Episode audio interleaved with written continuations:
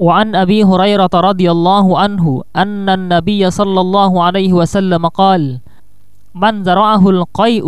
فليس عليه قضاء ومن استقاء عمدا فليقضي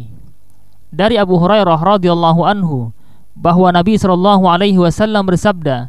barang siapa yang terpaksa muntah maka tidak ada kewajiban kodok puasa atasnya dan barang siapa yang muntah dengan sengaja maka haruslah ia mengkodok puasa. Hadis ini sahih, diriwayatkan oleh Imam At-Tirmizi nomor hadis 716 dan Ibnu Majah nomor hadis 1676.